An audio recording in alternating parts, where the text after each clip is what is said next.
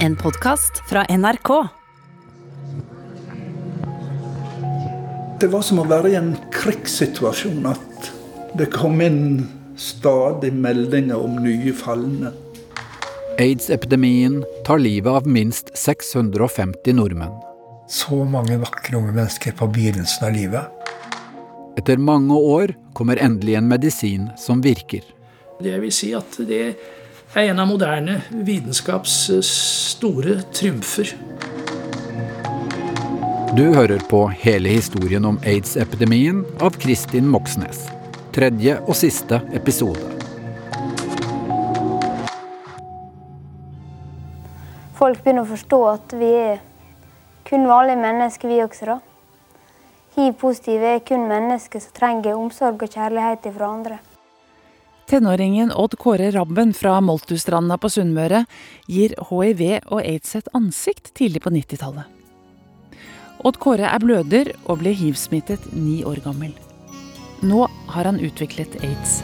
Se, den nye dag er din som en gave. Odd Kåre spiller inn sanger som han tjener over én million kroner på. Han gir alle pengene til aids-forskningen ved Rikshospitalet. Er folk fortsatt redd hiv-positive? Sånn at de er redd for å gi deg en klem, er de redd for å hilse på deg? Lurer, lurer alle folk på om de blir smitta hvis de er borti deg, liksom? Odd Kåre blir ofte intervjuet, og han får priser for sin åpenhet. Nei, nå eh, etter jeg gikk ut, da har jeg heller fått mer venner enn jeg hadde før. da. Han sitter i sofaen hos pastor Egil Svartdal i TV-programmet Under åpen himmel. Odd Kåre er bleik og tynn, for han kommer fra enda en behandling på Rikshospitalet. Syns ikke du, Odd Kåre, at det er litt tøft at en gutt på 15 år som skal gi hiv-positive et ansikt og kjempe kampen? Det kunne vel noen store og sterke mennesker ha gjort? Ja, men jeg tror det at en 15-åring kan og greier det like godt som en voksen mann. da. Tenker du mye på døden, Odd Kåre? Det er klart. Kommer du til å tenke på døden, da? Er du redd? Nei, det vil jeg ikke si at det er. For eh, jeg vet hva som venter meg. Og jeg vet at Gud har laget til en plass for meg. Så jeg mener at det får være Guds vilje. Odd Kåre! Odd Kåre synger for oss.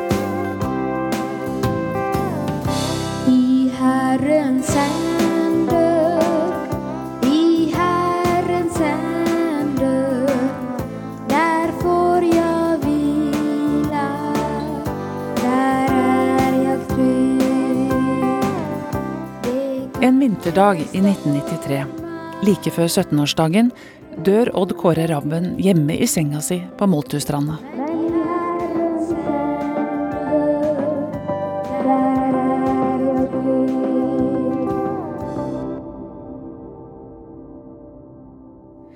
Dette året dør 70 nordmenn av aids. Det var helt tilfeldig at jeg slapp unna. Eller hvordan i all verden det kunne ha skjedd, det fatter jeg ikke. Det gjorde jeg. I Stavanger lever Jarl Våge som åpen homofil. Han har tvilt seg fram til å ta en hiv-test, og etter en uke får han vite resultatet. Det var som å få livet i gave på nytt, rett og slett. Det var så rart. Når jeg gikk og venta, så var det akkurat som om døden sto rett foran meg på veien som en vegg. Eh, Vanligvis i den alderen som jeg var, så er jo døden langt, langt der framme, men den var rett foran meg som en vegg. Men nå hadde plutselig den veggen ei dør som jeg kunne gå gjennom og gå videre. Det var en enorm lettelse. Etter at Jarl har fått svaret på hiv-testen, begynner han å engasjere seg. Da hiv-epidemien kom, da tenkte jeg at, at det var òg et, et sånt tilbakeslag for homofile. At en skulle bli jaga under jorda igjen. Enda mer enn vi var. Jeg eh, havna vel litt på barrikadene. Fram til nå har ikke de hiv-positive hatt noen talsperson eller noe sted å møtes. I 1988 lager de Selvhjelpsgruppa Pluss. Hiv-smittede Jorunn Saatvedt Prusik, som er tidligere sprøytenarkoman, er med fra starten når Pluss etableres, på hemmelig adresse. Det var mange der som titta både til høyre og venstre før de turte å gå inn den porten og ringe på den døra. Vi var litt utsatt og hadde nok tanker om at det kunne også være farlig. At noen ville oss såpass vondt at vi kunne ha hemmelig adresse. I 1991 blir Jarl leder for Pluss. Det var der de kunne grine og være fortvila og få hjelp og støtte. Få veiledning når det gjaldt eh, trygd, eh, skatter. Og de måtte kunne et sånt passord for å komme inn. Det kunne f.eks. være eh, navnet på måneden. Når de ringte på porten ute, så var en av de som jobba der, da, miljøarbeideren, som svarte på telefonen, og så sa de da august. Okay, så ble porten åpna. Så kunne de gå inn. På dørklokka står det Sulpen. Det er pluss én bakvendt. Det blir mest de homofile og stoffmisbrukerne som oppsøker pluss. Mange trodde jo at dette kom til å bli krasj. Altså, hvis du tenker de helt homofile, og så de verste rølpere av, av noen rusbrukere. Klart jeg vet at det er mye holdninger som ja, jævla soper og ja, og mye verre ord kanskje på de homofile enn det. Men det gikk veldig bra.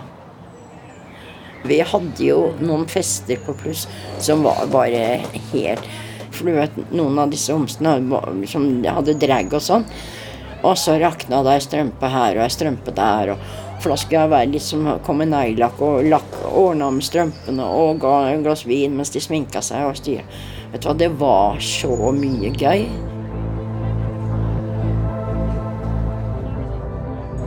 En del av jobben til Jarl som plussleder er å følge unge mennesker til graven.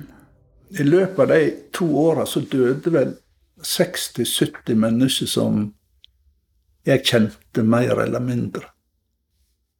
Men vi fikk jo ikke tid å sørge. Jeg kunne ikke tillate meg å sørge for Jeg måtte jo bare videre, og så var det neste tilfelle jeg skulle gjøre jobben min. 80-tallet og deler av 90-tallet så bar vi vennene våre og bekjente til grava. Det var Guri mann. Jeg har jo vært i begravelse, så mange antall begravelser at jeg, både besteforeldrene mine og foreldrene mine og tanter og onkler til sammen har vel ikke vært i så mye begravelser. Det er ikke alle som er åpne om at dødsårsaken er aids. Og det, det var vondt, altså. Én ting er du skal leve med skam, angst, sykdom, og så skal du da dø, og så skal du bli putta i jorda med en løgn. En onsdag morgen så satt vi, noen av oss som jobba i Pluss. Det var en, en veldig flott svensk medarbeider, Jerry, var død og skulle begraves. Jeg hadde blitt spurt om jeg kunne tale i begravelsen. Så vi satt og forberedte oss til å dra. Og så ringte telefonen om at folket var død. En som var veldig aktivt med i pluss. Og da tenkte jeg at det var som å være i en krigssituasjon. At det kom inn stadig meldinger om nye falne. Og de måtte slåss på så mange fronter. Det fins ikke noe minnesmerke over dem.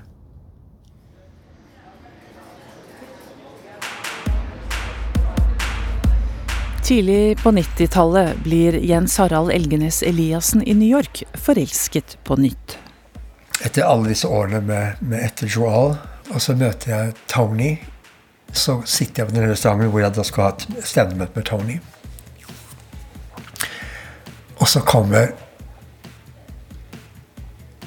denne åpenbarelsen av et menneske inn i rommet. Svart, langt hår i hestehale. Høy, mørk, nydelig. Og så erklærer han etter noen dager sin store kjærlighet til meg. Og jeg trodde jeg aldri kunne få noe så vakkert. Han var så vakker. Og så hadde vi en sommer sammen som var helt eventyrlig. På Fire Island, på en hytte. Han hadde kjempesvær leilighet på Broadway. Han var vellykka frisør, filmgreier og sånn. Vi hadde det så fantastisk. Tony er hiv-positiv. Det er Jens Harald også, så de kan trygt være sammen. Og så ble han syk. Allerede på tidlig høst i samme år jeg treffer han. Og så mister jeg kontakten. Han ville ikke snakke med meg. Han ville ikke ha noe med meg å gjøre. Han ville ikke at jeg skulle se han syk og døende. Og så får jeg en telefon fra hans bestevenn som sier at Tony vil se det. Og så kommer jeg hjem til han, og da var eh, og Det er også litt av det med galgenhumor, for der sitter da hele vennegjengen hans på kjøkkenet og, og ler og, og, og, har, har, jeg har et, et omgjenge, da. Og så, um, og så går jeg inn på soverommet i et helt køla svart soverom alle liksom blinds for windows. Så jeg kunne ikke se han. Og så legger jeg meg ned i senga hans for å være nær han. Og så ligger han der helt klissvåt av svette. Er, det er som å legge seg i en, på en måte et badebasseng. Og så bare ligger jeg og holder rundt han, og så gråter vi og gråter og gråter. Og gråter. Og så bare går jeg derfra. Sa ingenting. Det var ikke noe å si. Så døde han bare et par dager etterpå. Han var eh, italiener av herkomst. Familien hans visste ikke, hadde ikke anelse om at han var homofil.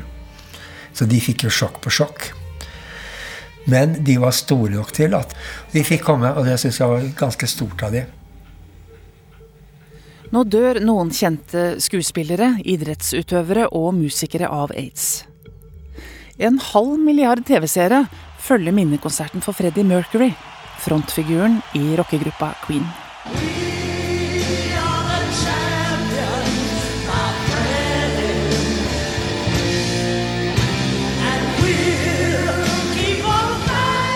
Det var kvelden da stjerner og tilskuere bar røde bånd for å vise at de er opptatt av aids-saken. Det var kvelden som skal skaffe millioner av kroner til aids-forskning, slik Freddie Mercury selv ønsket det.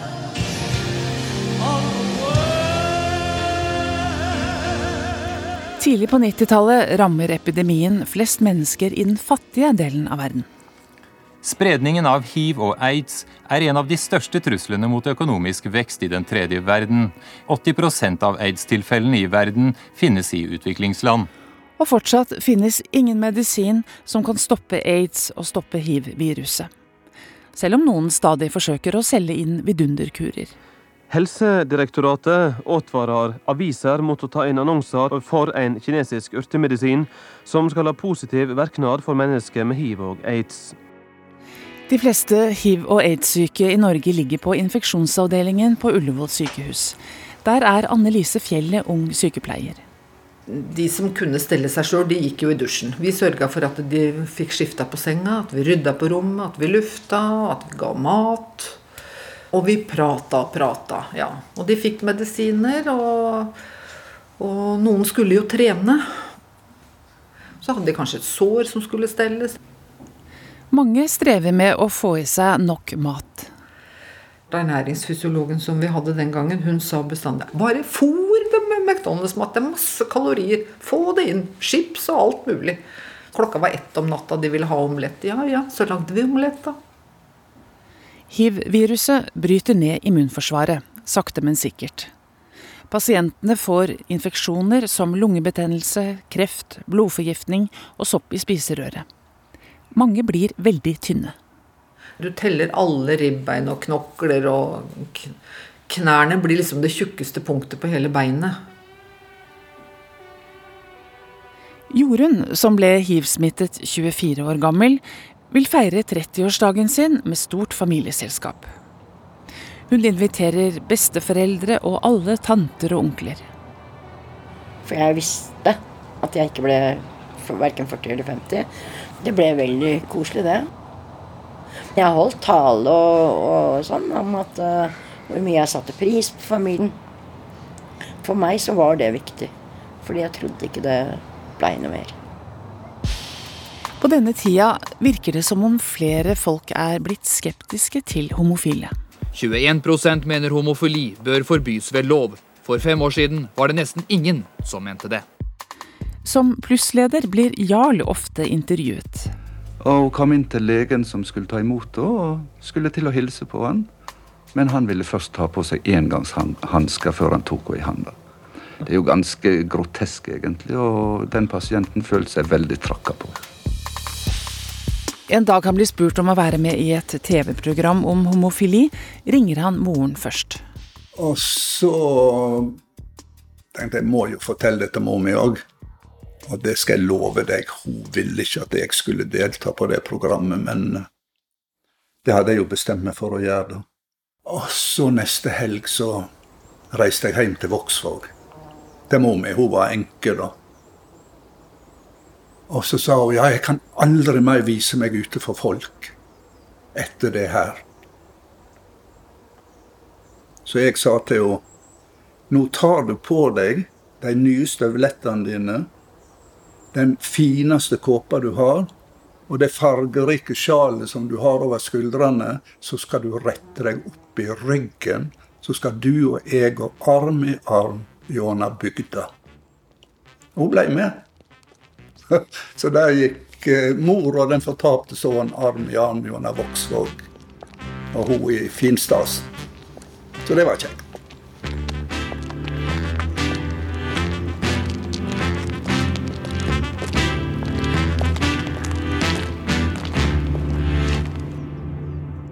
I 1994 flytter Jens Harald hjem til Norge. Det går noen måneder før han forteller foreldrene at han er hiv-smittet. Og jeg var så sikker på at mamma kom til å ta sin død når hun fikk greie på det. For En lørdag så sitter mamma, pappa og jeg i sofaen og ser på TV, og så sier jeg til mamma, pappa Mamma, pappa, jeg er hiv-positiv. Og så snur mamma seg mot meg. Jeg skjønte, gutten min. Hvordan har du det? Og så gikk vi på kjøkkenet, og så lagde vi kveldsmat. Og så var det ikke noe mer prat om det. Aldri. Vi nevnte aldri med et ord igjen. Men hun viste aldri overfor meg at hun var redd for meg. Det var klem og kyss og alt som det var før. Men hun klarte ikke si det. Og så begynte jeg å merke sånn i 95-96 begynte jeg å merke at nå har jeg det ikke så bra. Fra midten av 90-tallet har aids-epidemien spredt seg ut i hele verden, og nå er det land i Afrika som er hardest rammet. Her hjemme, etter at noen norske kvinner har oppgitt afrikanere som smittekilder, går helsemyndighetene ut og advarer kvinner mot å ha ubeskyttet sex med afrikanske menn i Norge. Det koker i de afrikanske miljøene i Norge. I have kids who go to Banahage and school. They can't be discriminated by this because this stupid newspaper said we Africans have it. It's a problem of the world, not only us Africans. Et forsøk på oppklaring fra helsedirektør Anne Alvik fører heller ikke fram. Hvis vi hadde sittet stille med den informasjonen og ikke gått ut med den, så, så ville jeg hatt mye å beklage. Inne blant aids-pasientene på infeksjonsavdelingen på Ullevål forsøker Annelise og andre sykepleiere å skape litt glede. Og det å klare å få til et håp, det var også en ambisjon. En glede om dagen. Det er fint, vet du. Hun husker særlig én aids-syk ung mann. Pasienten har én drøm som han ønsker å realisere før han dør. Og det er å fly Concorde. Han skal bare være passasjer, da. Men han, han er så fascinert av det flyet. De bestemmer seg for å sminke ham litt, så han ikke ser så syk ut. Han prøver litt sjøl å finne en foundation eller et eller annet som passer. Han får permisjon en helg, og da reiser han fra sykehuset fredag morgen til Fornebu. Så tar han fly til Heathrow, og så booker han om til Concorde. Og så flyr han til New York. Og så har han ett døgn på hotell Og så flyr han samme ruta hjem igjen og er tilbake på mandag. Han var strålende. Han var utslitt. Aldeles utslitt. Men det hadde vært, vært, vært alt, sa han. Ja. Vi kjente det som en seier. Men mot midten av 90-tallet dør opptil 50 aids-syke hvert år inne på infeksjonsavdelingen. Annelise sitter ved mange dødsleier. For mange så var jo dette langdrygt. De følte nok veldig sånn seigpining. Det var en som sa Skal det ta så lang tid å dø? Vi måtte være veldig ærlige med pasientene våre og si at eh, det finnes ikke så mye medisiner. Men vi hjelper deg så langt vi kan. Du kan få mat ned i maven eh, via en sonde. Vi kan gjøre sånne ting som gjør at kanskje hverdagen er litt bedre. Og så må vi håpe at det, det forskes jo over hele verden. Alle vil jo ha den der nobelprisen.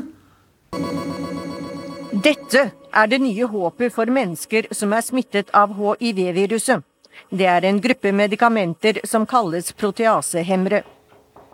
1995-96 så deltok jo vi i forsøk med en ny gruppe medisiner. Johan Brun, Ullevål sykehus. Og da ble det prøvd ut både alene og i kombinasjon med disse medisinene vi hadde fra før av. da. Og da viste det seg at da fikk man en varig effekt uten resistensutvikling. De nye medisinene gjør at det blir mye mindre hiv-virus i blodet. Fra 96 til 97 var, var man inne i en slags rus, alle som stelte med disse pasientene. Stig Frøland, Rikshospitalet. For eh, nå så vi virkelig dramatisk effekt hos våre pasienter. Pasienter som var sengeliggende, nesten døende med aids, ble faktisk friske. Pasientene ikke bare overlevde, men mange av dem ble symptomfrie. Kunne gå tilbake til arbeid, utdannelse osv. Så, videre. så det var et fantastisk gjennombrudd. Vi hadde vært med på litt sånn opp- og nedturer veldig mange ganger i disse åra her, da. Jeg våget ikke helt tro. Jeg gjorde ikke det. Det kom som lyn fra klar himmel. Og det var nesten over natta at det skjedde. Og det var jo Det var helt fantastisk, for plutselig skulle vi leve. Jeg følte vel ikke det til å begynne med at det var så stor glede, for jeg trodde ikke helt på det. Fordi at vi hadde jo hatt disse ACT-pilene som liksom også skulle være så bra. Men jeg tror ikke vi turte å håpe på det med en gang. Altså. Jeg gjorde i hvert fall ikke det. Jens Harald har vært hiv-positiv i 14 år og har holdt seg ganske frisk. Men viruset har jobbet hele tida og brutt ned immunforsvaret hans. Nå blir han plutselig veldig syk. Og så ble jeg lagt ned på sykehuset, og da hadde jeg fått aids. Da hadde jeg fått en kreftform som heter kaposesarkom. Så da hadde jeg det man kaller full blown aids. Og var vel da ganske døende. Da var medisiner kommet òg, da. Jeg hadde jo bare hørt alternativ medisin. Så når jeg lå på sykehuset Gi meg alt. Alt er gift, alt er medisiner. Da gir jeg opp. Og da gikk økologisk mat og vegetarisk mat andunda, så da ble det kjøttkaker og hivmedisiner og lot gardene gå. Jeg ble bra av kreften, men jeg fikk så mye infeksjoner. De klarte ikke å drepe de infeksjonene, så jeg ble liggende på sykehus ganske lenge. Jeg så ganske ikke bra ut. Jorunn tar de pillene hun får av doktor Brun, selv om hun er skeptisk. Det døde ikke så mange lenger. Det er faktisk sånn at vi skal kanskje leve. For meg og for mange andre så var det vel så vanskelig å ta inn over seg at uh, nå må jeg planlegge en framtid. Jeg skal kanskje bli både 40, 50 og 60. Kanskje skal jeg til og med gå inn i en alderdom. Det ble vel så vanskelig som å ta inn over seg at, uh, at jeg skulle dø ung. Når medisinen kommer, er 22 millioner mennesker i verden smittet av hiv. Eller de er allerede aids-syke. Det vil si at det er en av moderne vitenskaps store triumfer. I 1997 kan alle hivsmittede i den rike delen av verden få den nye, effektive medisinen. På mange måter kan man sammenligne det med penicillinets innføring i sin tid. Men så oppdager forskerne at medisinen ikke tar knekken på viruset. Legene kan ikke utrydde det, bare kontrollere det. Det viser seg at viruset forsvinner ikke fra kroppen. Viruset går inn i en slags eh, tornerosesøvn, en slags dvaletilstand, hvor det ligger gjemt i noen spesielle hvite blodlegemer. Men de kan når som helst starte igjen og formere seg hvis vi stanser medikamentbehandlingen. Så Derfor er det meget farlig å stanse behandlingen med hiv-medikamenter, for da vogner viruset til liv. Jens Harald blir frisk og skrevet ut av sykehuset. Men han er fortsatt hiv-positiv og kan spre viruset videre. Min filosofi har vært alltid at skal jeg ha sex eller one night stands, som det jo hender at man har, så må jeg fortelle potensielle partneren at jeg er hiv-positiv. Og derfor hadde jeg ikke sex på mange, mange år. Fordi jeg klarte ikke å ikke fortelle. Men så treffer han svenske Sune på et utested. Vennene mine sa at nå tar du med deg den gutten hjem, og så har du sex, men er forsiktig. Og så holder du kjeft, for nå må du få deg et ligg, liksom. Eh, så bestemte jeg meg for å gjøre det. da. Jeg tok med Sune hjem. Og så begynner vi å hongle i sofaen, og så sier han du, er du hiv-positiv? Så sier jeg ja, det er Og så sier han det er helt greit, vi er forsiktige. Og det er 21 år siden.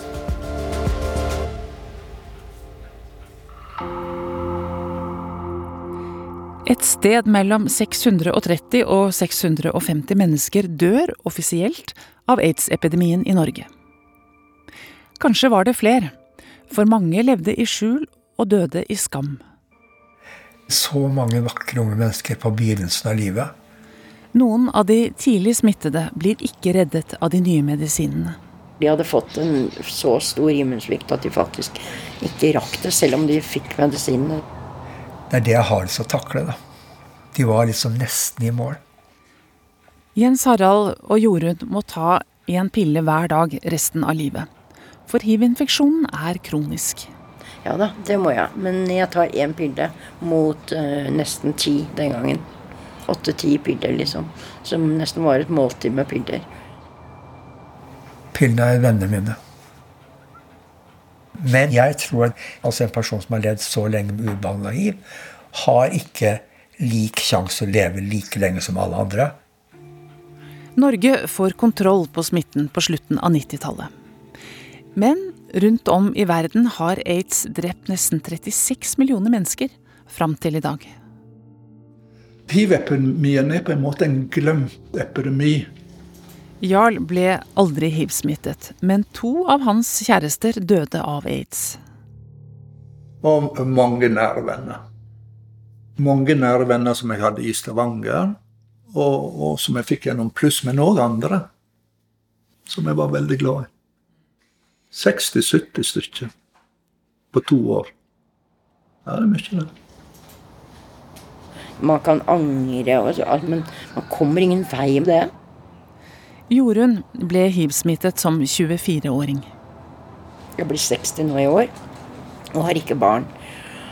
For det å bli gravid og føde et barn den gangen, så kunne vi ikke det. For da ville barnet også bli født som hiv-positiv.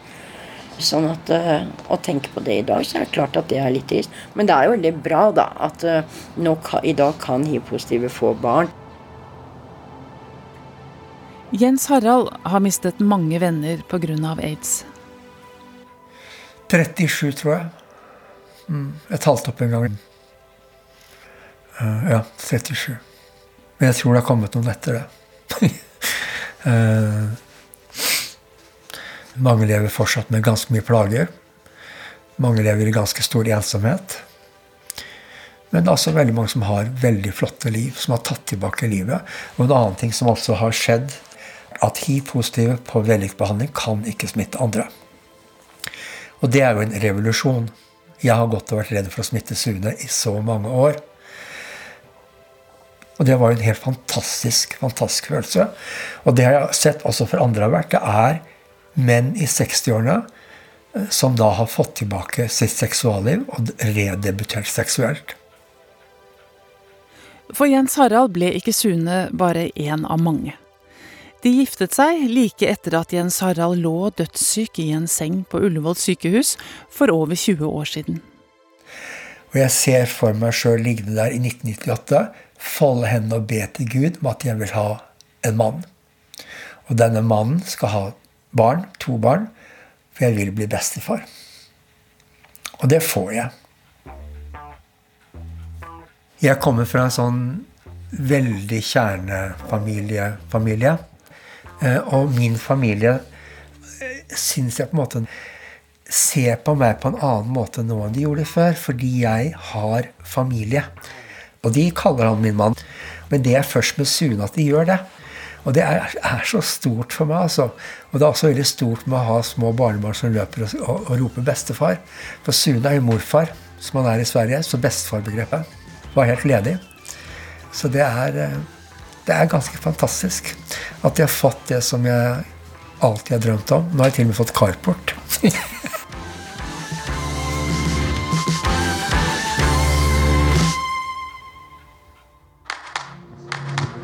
Du har hørt hele historien om aids-epidemien av Kristin Moxnes. Lyddesign ved Merete Antonsen. Produsent Kaja Frøysa. Redaktør er Siril Heierdal. Vignettmusikken er laga av Nils Jakob Langvik.